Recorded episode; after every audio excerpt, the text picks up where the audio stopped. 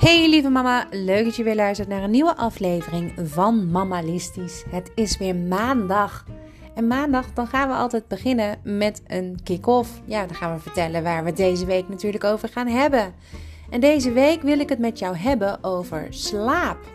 En niet alleen slaap voor je kinderen. Ik wil het met name hebben over jouw slaap. Want hoe slaap jij eigenlijk? Hoe lang slaap jij? En hoe kom je er nou achter wat jij nodig hebt aan slaap? En wat nou als jouw kind zo vaak wakker wordt dat jij te weinig slaap hebt? Wat kan je dan doen? En wat helpt tegen vermoeidheid? Nou, allemaal leuke tips, allemaal praktische uh, dingen die je kan ondernemen voor jouw slaap. En daar wil ik je graag bij helpen deze week.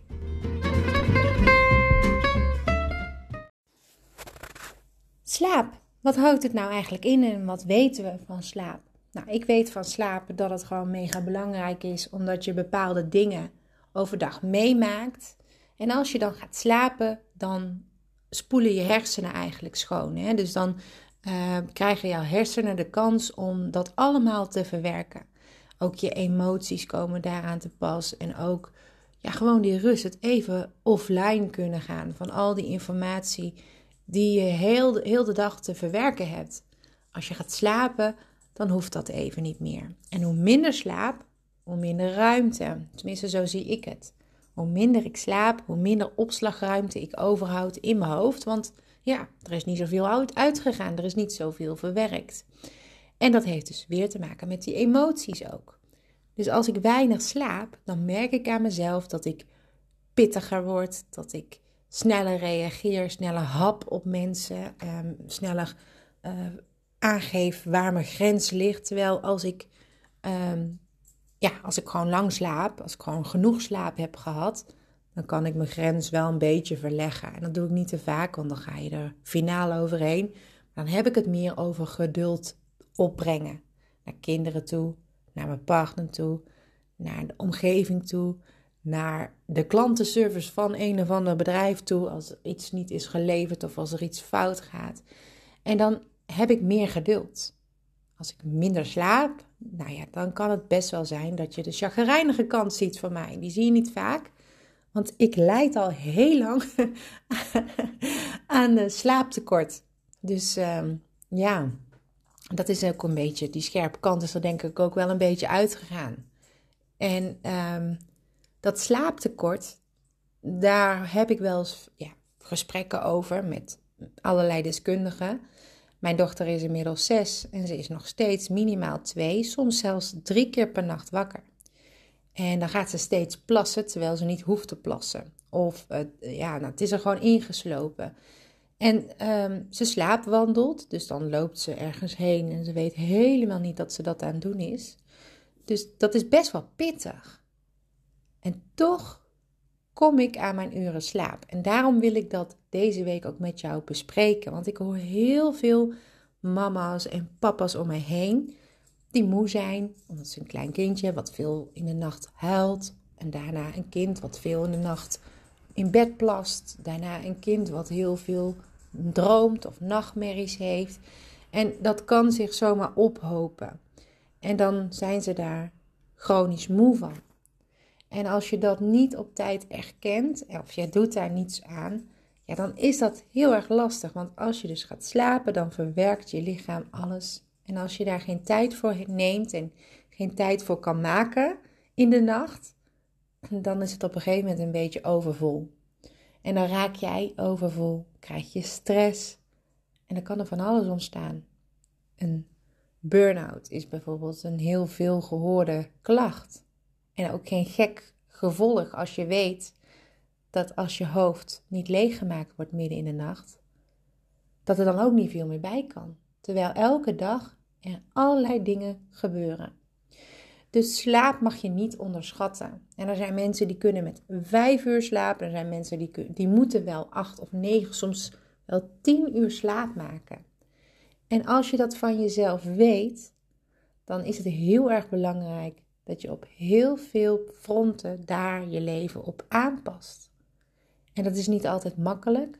En dat is ook echt niet leuk, want dat betekent dat je misschien veel vroeger naar bed moet gaan dan dat je eigenlijk zou wensen. Maar dan mag je jezelf ook afvragen: wat is voor jou dan belangrijk? En net als dat het voor jou heel belangrijk is, slaap, is het voor jouw kind ook. Ik weet dat er kinderen zijn die niet goed kunnen slapen als ze om zeven uur in bed liggen. Ik weet ook dat er kinderen zijn die met liefde om zeven uur in bed gaan liggen en misschien zelfs om zes uur al op de bank in slaap vallen. Nou, dat zijn allerlei dingen die je meemaakt en kunt onderzoeken natuurlijk. Hè. Hoe is dat voor jou? Uh, hoe is dat bij jouw kind? Is jouw kind echt iemand die graag naar bed gaat of helemaal niet? En als je kind dan eindelijk in bed ligt, duurt het dan lang voordat hij of zij slaapt? Of is het zo gepiept? En wordt hij daarna nog veel wakker of juist helemaal niet? Nou, als je een kind hebt wat um, nog lang niet moe is onder bedtijd, hè, bij het bedtijdverhaaltje, uh, je legt jouw kind op bed en twee uur later komt je kind er nog steeds uit, dan kan je heus wel gaan kijken naar bedtijden. Je moet wel oppassen daarmee, want ik weet uit ervaring ook weer, ja, ik praat altijd uit ervaring, want daaruit bestaat natuurlijk het hele mammalisme. Maar uit ervaring weet ik dat er is een moment dat je kind heel moe is en dan moet je eigenlijk snel je kind op bed leggen. Want doe je dat niet, dan gaat je kind als van nature zichzelf een soort van ophyperen en wakker houden. Want dan realiseert hij of zij zich ineens van: hé, hey, nee, ik moet naar bed. Ik moet dit zo meteen gaan verlaten. En dan lig ik daar in mijn bed en daar heb ik geen zin in. En dan gaat dat kindje ineens heel druk doen. En dan denk jij: oh, die is nog lang niet moe, joh. Maar dan zul je zien dat als je die wel op bed legt, dat hij of zij ook zo in slaap valt. Als je daar te lang mee doorzet, dan gebeurt dat ook niet. Dus je moet goed een bedtijdritueeltje de komende week, als je dit wilt testen, aanhouden. Als je kind dan niet binnen een half uur slaapt, dan verleg je het bedtijdritueeltje een half uurtje later. En dan zul je merken dat je op een gegeven moment de perfecte bedtijd creëert, waardoor je minder moeite hebt dat je kind gaat slapen. En dat geldt eigenlijk voor alle leeftijden. Mijn dochter is zes. Uh, die hoort zo tussen uh, zeven, half acht, nou uitschieten acht uur zeggen ze, naar bed te gaan. Maar als ik dat doe, dan, um, ja, dan, dan ben ik de hele avond bezig. Dan kom ik in haar bed uit en na tien keer is ze over haar slaap heen en krijg ik haar niet meer naar bed. Dus Lotje, die gaat pas om negen uur slapen. En dat is super laat, vind ik zelf. Ik vond het in het begin heel stom om dat zo op die manier te doen. Maar ik merk dat ze helemaal niet moe is. Overdag niet, in de avond niet. En als ik haar naar bed breng, en dat begint om half negen. Nou, meestal zijn we al om half acht aan het douchen. En om acht uur al aan het afwerken van de dag. En om half negen gaat ze haar bed in en wordt ze voorgelezen. En om negen uur dan slaapt ze ook echt daadwerkelijk. Zo moet je het zien. Dat is een beetje het ritueeltje. Een heel lange aanloop. Maar het werpt wel zijn vruchten af. Zowel haar verwachting als mijn verwachting is bijgesteld. Daar is rust in gekomen. En ik weet, als oh, die slaapt pas om 9 uur. En zij weet, oh, ik hoef pas om 9 uur te slapen, joh. En dat werkt heel goed. En zo wordt zij in de ochtend dan toch weer uitgerust wakker. En die heeft gewoon niet zoveel slaap nodig. En ieder mens is anders. Zij heeft niet veel slaap nodig, heeft ze nog nooit van de leven gehad. Ze wordt ook daarbij nog eens elke nacht een aantal keren wakker. Ik heb bijvoorbeeld wel meer slaap nodig, maar niet zoveel als mijn partner. Die kan helemaal niet zonder slaap.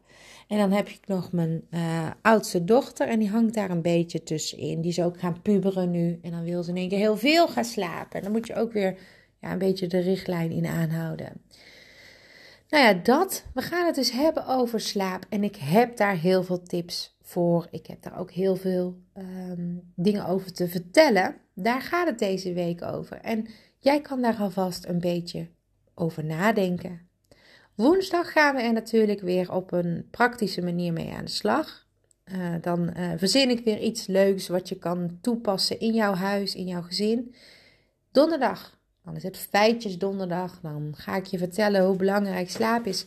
En uh, wat je er wel en niet voor moet doen.